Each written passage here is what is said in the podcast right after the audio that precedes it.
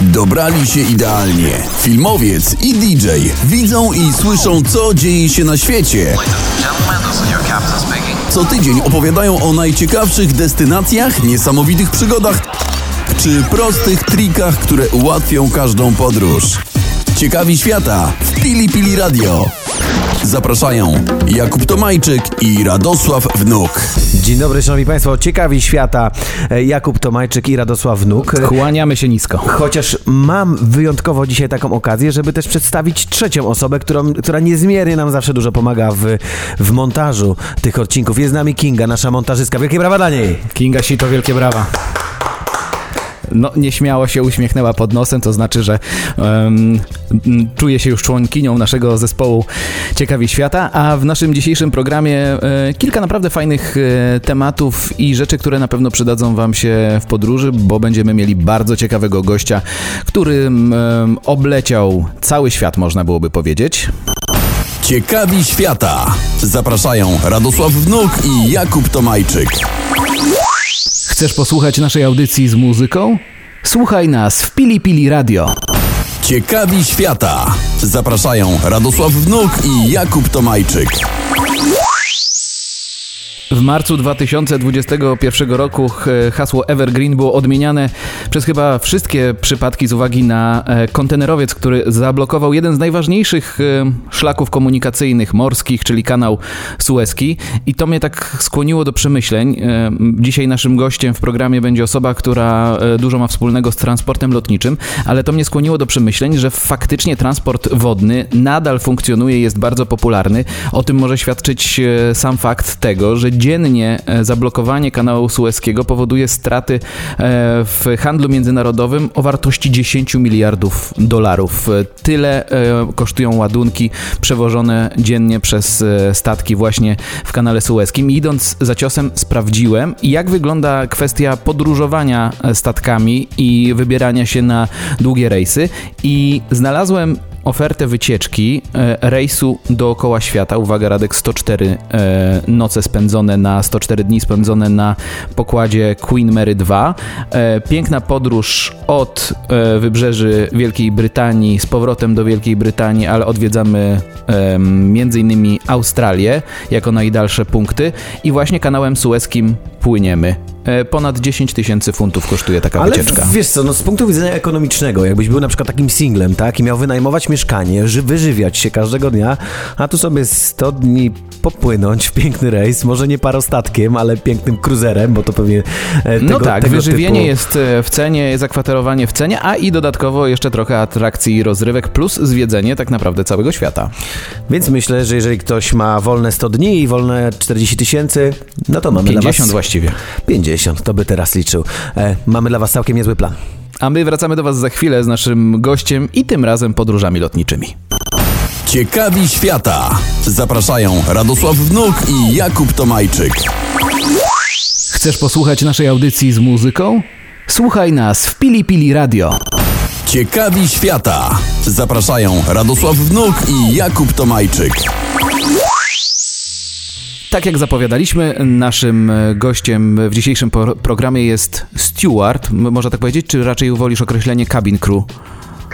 A, tak i tak y, mi to odpowiada. y, Nie widzę tutaj żadnych przeszkód, No to żadnych z tych świetnie. stwierdzeń, także. A nazywali też ciebie stewardessą czasami? Go, Ja tylko przedstawię do końca. Chris Kostrzewa, człowiek em, dużo przelatał w swoim e, życiu na pokładach różnych samolotów i co nieco nam może o tym powiedzieć. E, Cześć Krzysztof, cześć Chris. Cześć Kuba, witam. E, Radek, coś Pierwsze się... pytanie cześć, było właśnie cześć. jak, jak nazywać, wiesz, bo y, przyjęło się taki jest trochę ten stereotyp, że w samolocie to zazwyczaj jest stewardesa, więc y, czy z rozpędu jacyś y, twoi y, pasażerowie nie nie tytułowali cię stewardesą? E, Wiesz co, nie. Znaczy generalnie y, taki najbardziej dyplomatyczny chyba nazwa to byłaby tutaj flight attendant, natomiast y, już y, każda linia lotnicza inaczej to nazywa w ich profesjonalnym języku, tak? E, Linia, dla której ja pracowałem, nazywy, mówiliśmy na nasze, na nasze stanowisko cabin crew, tak? E, Słowo steward, no to raczej już odchodzi od, od użytku, gdyż no jest Mi się troszkę... kojarzy ze służbą porządkową na meczach piłkarskich steward Tak, na przykład. tak, też prawda. E, natomiast no, w kwestii samolotów, no to jednak najczęściej takie najbardziej dyplomatyczne stwierdzenie to jest flight attendant, bo też jest ono bezosobowe, także Okej. można powiedzieć i do kobiety, i do mężczyzny, także No tym e, bardziej, ja że żyjemy w takich czasach, to, no, że jest to dosyć istotne, tak? E, bardzo dużą uwagę się do tego przykuwa.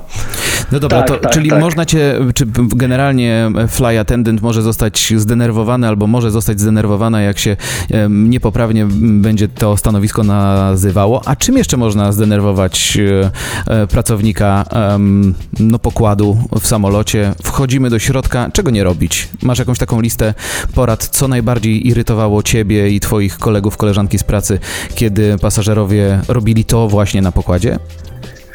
E, ojej, no to tak, e, lista jest e, długa i szeroka. Mamy czas.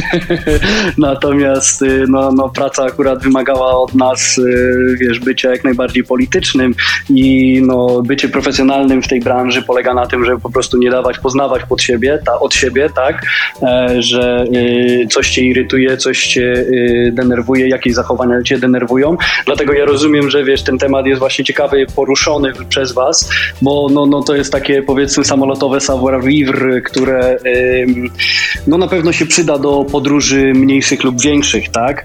E, w kwestii akurat e, bycia flight attendant, no to mm, e, rzecz taka ogólna, która najbardziej irytuje, to to, że gdy na przykład nasze polecenia nie są wykonywane, tak? Bo będąc w samolocie, nasza praca wymaga tego od nas, że my jesteśmy w tym samolocie, w, tym, w tej zamkniętej puszce, jesteśmy alfą i omegą, wszystko od nas zależy i oczekujemy tutaj kooperacji, tak? Natomiast jeśli ta kooperacja się nie odbywa, e, no to i wiesz, niestosowane są, e, ludzie nie stosują się do naszych e, poleceń, zaleceń, no to wtedy już zaczyna nam się, wiesz, y, wiecie, światełko zapalać i tak, no tutaj może coś być nie tak. Mam na myśli sytuację, jak nie wiem, em, światełko zapięcia pasów się pojawia, tak, i klient sobie wstaje i e, hulaj dusza piekła nie ma, na No przykład. dobra, ale to w czym wiem, ci to wiesz, przeszkadza, że tak zapytam e, głupio? Dlaczego to jest denerwujące? Wiesz, py- pytam trochę rozumiejąc tą sytuację i dużo latając. E, Czym to grozi i dlaczego jest to problematyczne dla, e, dla personelu Ta akurat wspomniana sytuacja em, polega na tym, o na przykład zapięciu pasów polega na przykład na tym, że em, w czasie, jeśli wiesz, przychodzi sytuacja, gdzie wiesz, rzeczywiście zapalone jest to światełko, to znaczy, że e, no, mogą wystąpić turbulencje. Nie muszą, ale mogą, jest takie zagrożenie, jest takie przewidywane.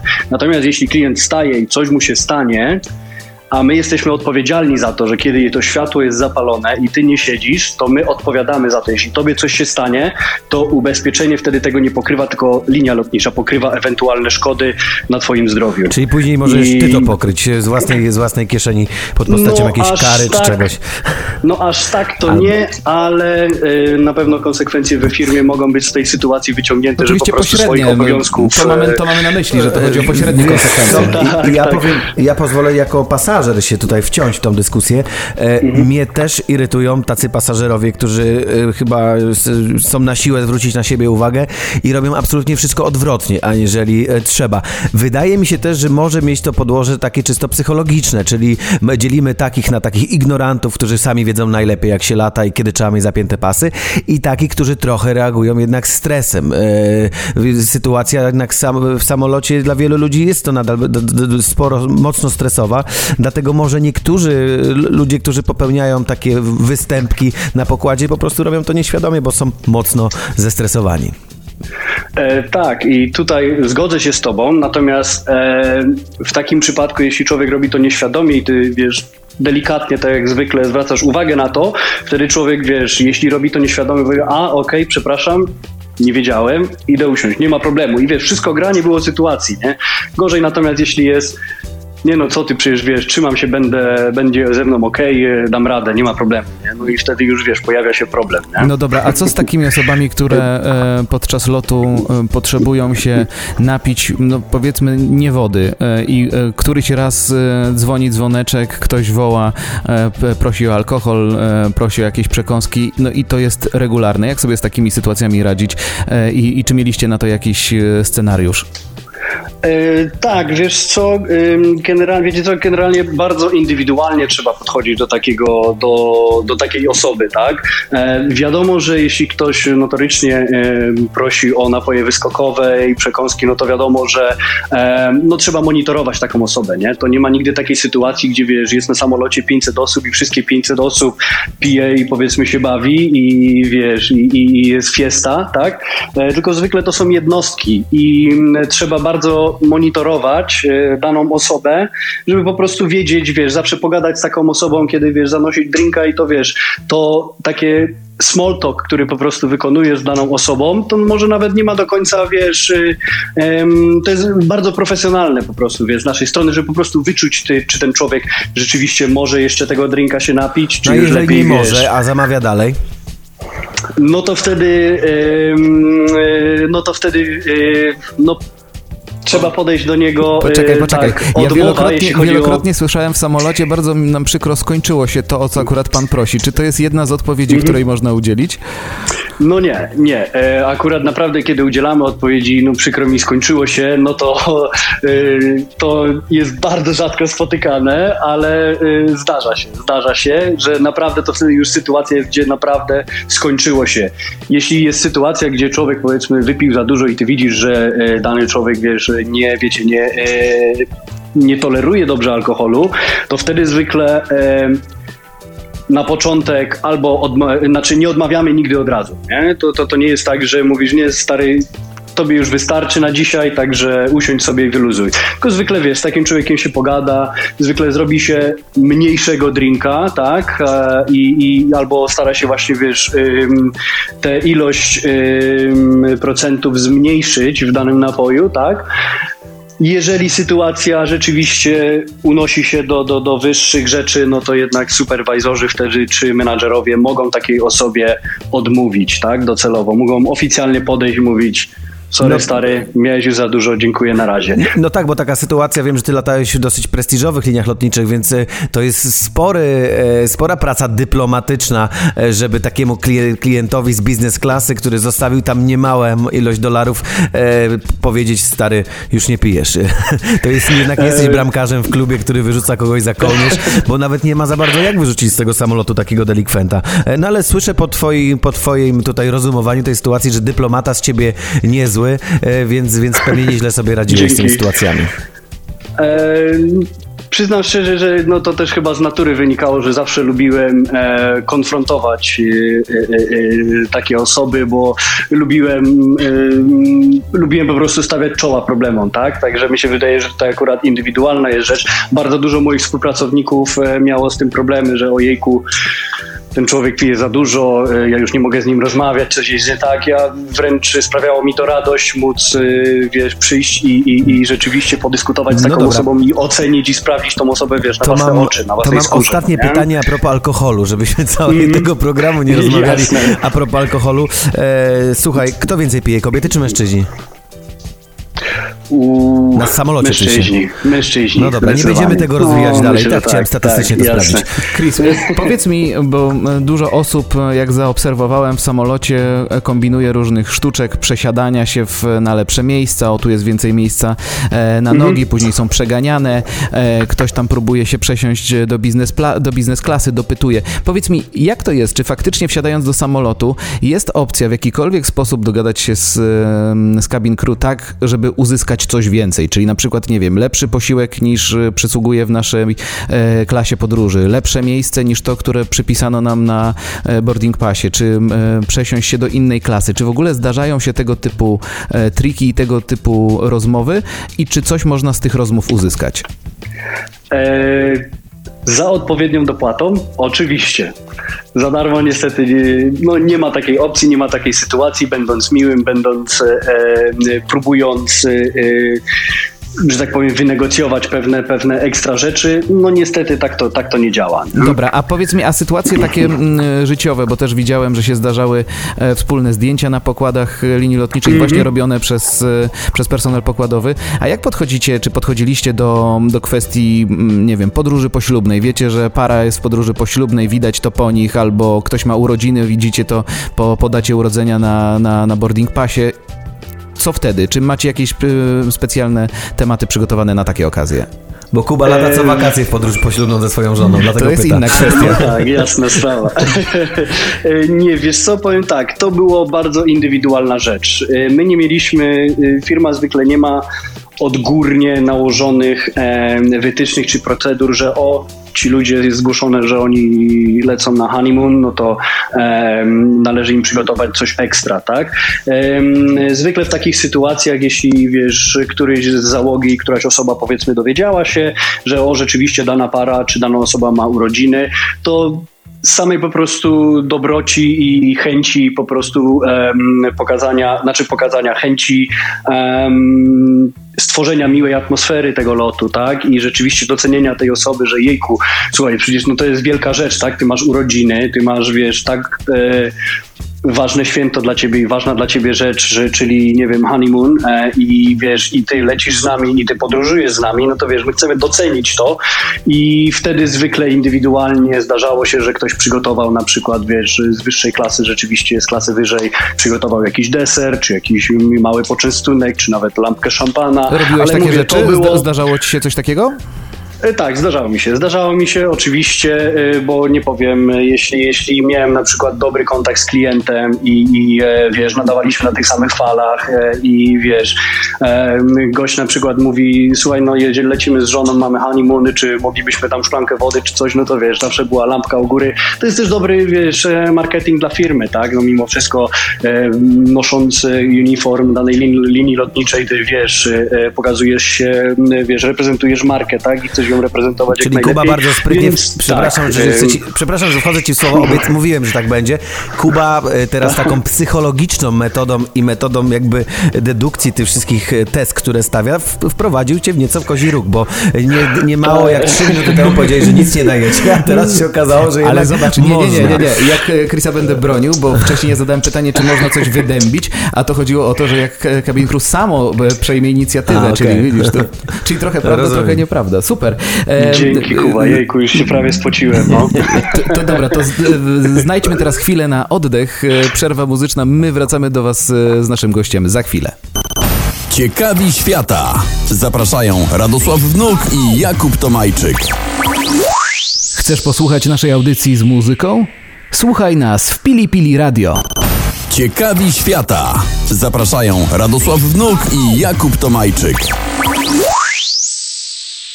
Wracamy do naszej rozmowy. Naszym gościem jest e, Chris Kostrzewa i rozmawiamy na temat przygód lotniczych, latania i zawodu personelu pokładowego. Ja mam kolejne pytanie. Jest taka sytuacja, którą wszyscy dobrze znamy. Siedzimy sobie wygodnie, e, rozpięte mamy pasy w samolocie. Myślimy sobie o tym, jak będziemy spędzali czas na wakacjach lub co tam nam czeka po wylądowaniu.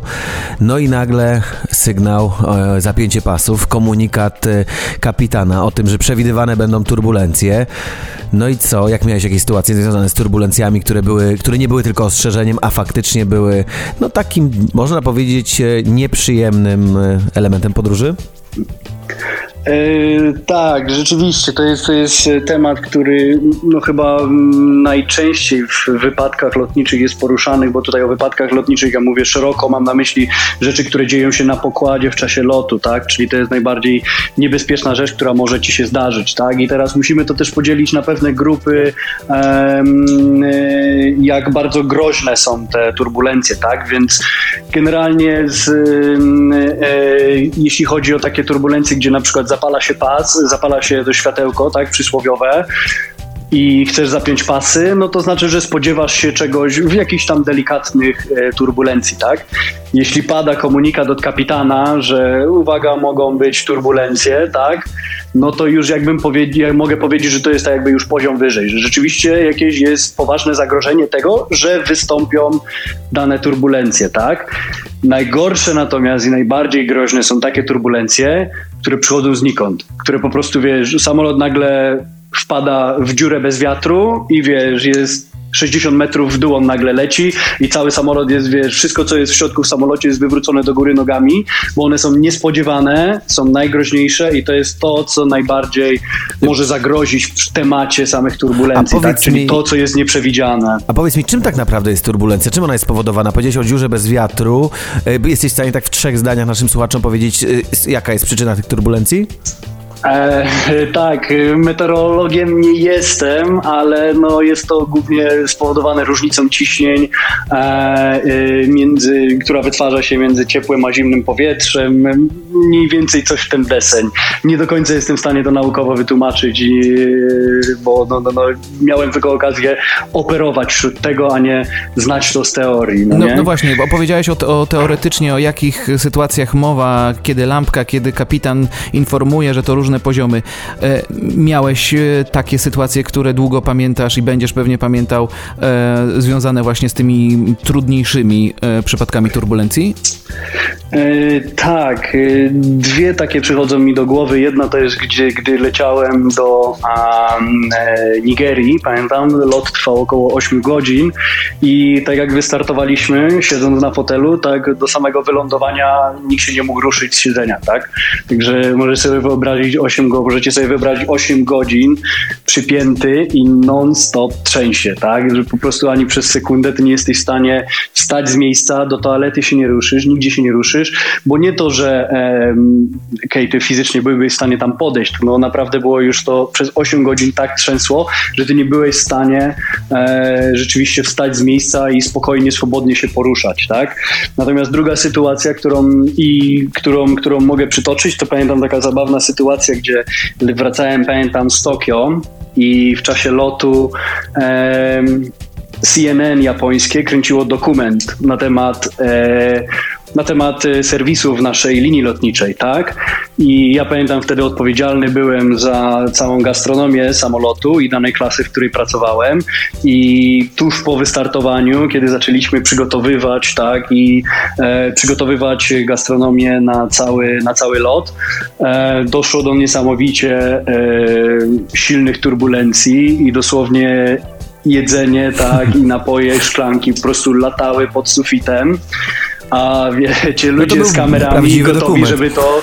Tak, ludzie z kamerami gotowi, żeby to nagrywać. I to się stało w takim miejscu dla, wiesz, to miało być reklamą e, dla, wiesz, dla, dla e, społeczności japońskiej, gdzie po prostu, wiesz, e, przykuwanie uwagi do najmniejszego detalu jest tak ogromne, że tam, wiesz, nie ma prawa na przykład kropelka źle leżeć na talerzu, tak? Także, no to była niesamowicie, niesamowicie śmieszna sytuacja, ale koniec końców dokument dla CNN wyszedł dobrze, materiał był dobry, także, no to też taka właśnie była niespodziewana sytuacja, No to tak?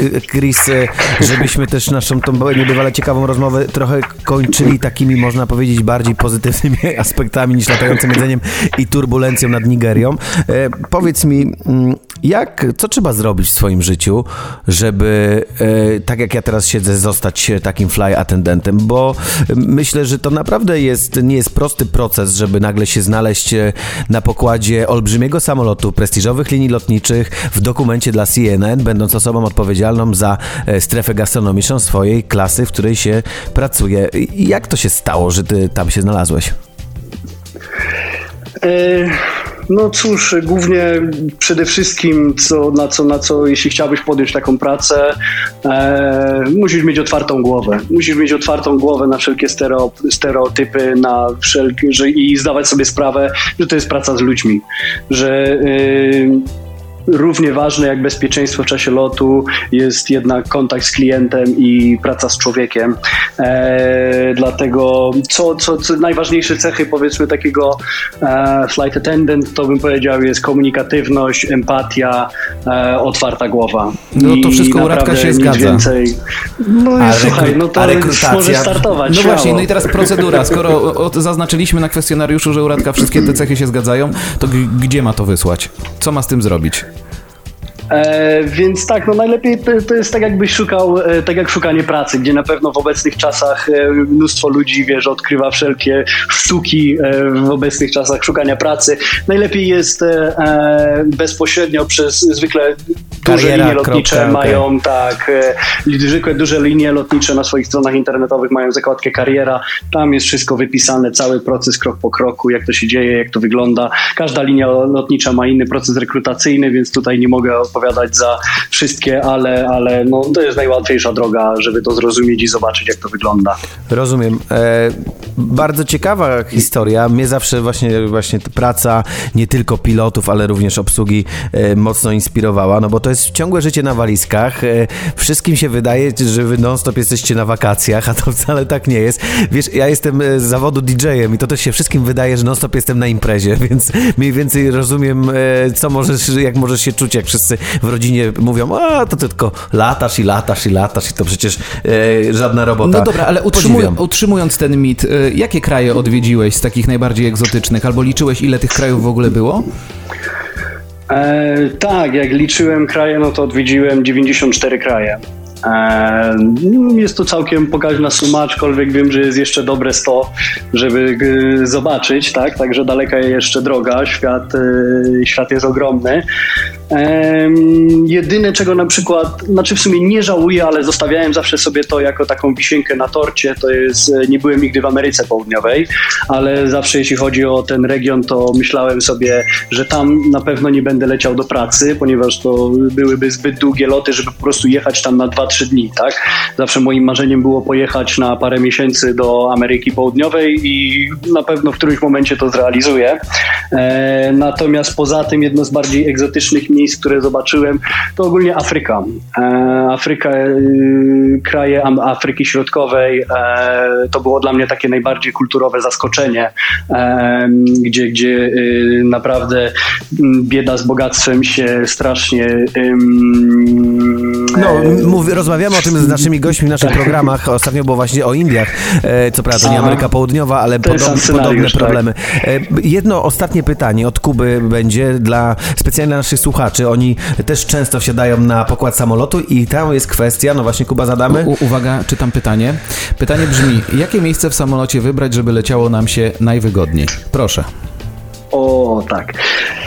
Yy, tak, no bardzo indywidualna sprawa, to zacznijmy od tego. Natomiast co ja zauważyłem z własnego doświadczenia i z latania, pewnego doświadczenia w lataniu, dla mnie numerem jeden, najważniejszą rzeczą w samolocie było siedzieć na takim miejscu, gdzie za mną już nikt nie siedzi. Czy jest to siedzenie, czy jest to ściana, to było dla mnie najważniejsze, że za mną nie ma nikogo, bo ja po prostu w momencie, kiedy wystartujemy, siedzenie pyk do tyłu i w momencie, kiedy ty masz siedzenie do tyłu, to naprawdę e, ten fakt fizycznego położenia się, odchylenia troszkę robi ci tyle miejsca na nogi, że te stereotypowo najlepsze miejsca, czyli miejsca na przodzie, gdzie nie ma nic przed tobą w nogach, e, wydają ci się najlepsze. Ja uważam jednak, że najlepsze są miejsca, gdzie nikt za tobą nie siedzi. Także e, no to jest taki dla mnie priorytet numer jeden. Numer dwa dla mnie priorytetem było siedzenie przy alejce. Nigdy w środku, nigdy przy oknie. Po prostu fakt, że y, wiesz, gdziekolwiek próbując wyjść, gdziekolwiek próbując się przemieścić w samolocie, czy do toalety, czy porozmawiać z kimś, czy znajomy twój, wiesz, leci na drugim końcu samolotu, e, wiesz, fakt, że możesz bez problemu nikomu nie, wiesz, nie, nie, nie przeszkadzając wstać z tego miejsca, No, pijany możesz chodzić po nogi, samolocie, przejść wiemy o co. Proste, dokładnie. Także to jest, także to jest, to, to był dla mnie zawsze numer dwa, no nie? Ja myślę, że... Tak. tak. Kontynuuj, przepraszam. I jedna rzecz, która no powiedzmy już potem powiedzmy trzeci dla mnie był y, na trzecim miejscu pod względem doboru miejsca, to jednak siedzenie na przodzie samolotu, żeby jak najszybciej z niego wyjść. Czyli jednak lubimy latanie, ale jak już się kończy, to szybciutko do domu. E, Chris Tak, Kostrzewa, oczywiście. Chris Kostrzewa zdradzał nam dzisiaj tajniki zawodu e, personelu pokładowego w samolotach. Bardzo dziękujemy za rozmowę. Ja myślę, że do tej rozmowy jeszcze kiedyś wrócimy, bo myślę, że z ciekawostek będziesz miał więcej do powiedzenia. Dzięki wielkie za Książkę dzisiaj. też możemy napisać, pewnie. Dziękujemy serdecznie za ten wywiad. Wszystkiego dobrego. Dzięki. Ciekawi świata. Zapraszają Radosław Wnuk i Jakub Tomajczyk. Chcesz posłuchać naszej audycji z muzyką? Słuchaj nas w Pili Pili Radio. Ciekawi świata. Zapraszają Radosław Wnuk i Jakub Tomajczyk. Rozmowa z naszym gościem skłoniła mnie do tego, żeby sprawdzić, skoro to takie luksusowe i prestiżowe linie lotnicze, żeby sprawdzić, ile w tych liniach, których nazwy świadomie nie podajemy, kosztuje e, no takie flagowe połączenie z Nowym I Jorkiem. może Chris coś załatwi wtedy, tak? Może Chris coś załatwi. E, Lot w dwie strony do Nowego Jorku. Pierwszą klasą to uwaga 123 tysiące złotych, więc wydaje mi się, że nawet moce Chrisa mogą tutaj niewiele nam I, pomóc. I warto dodać, że nie dodają samochodów gratisie do tego, tak? Żadnego ani mieszkania, ani e, nawet zegarków, które lubi Lewandowski, więc Chociaż, y, chociaż chciałoby się powiedzieć, że może mieszkania nie dają, ale leci się praktycznie mieszkaniem, tak? Bo się ma prywatny apartament z łazienką na pokładzie samolotu, więc no to, to są luksusy, za które można zapłacić takie olbrzymie pieniądze. E, może kiedyś, może chciałem kiedyś. właśnie to powiedzieć. Jeszcze kilka audycji i będzie nas na to stać. E, Ale na razie kończymy dzisiejszą audycję Ciekawi Świata Pili Pili Radio. Radosław Wnuk, Jakub Tomajczyk. Dziękujemy bardzo i do usłyszenia za tydzień. Bye bye. Ciekawi świata. Zapraszają Radosław Wnuk i Jakub Tomajczyk. Chcesz posłuchać naszej audycji z muzyką? Słuchaj nas w Pili Pili Radio. Ciekawi świata. Zapraszają Radosław Wnuk i Jakub Tomajczyk.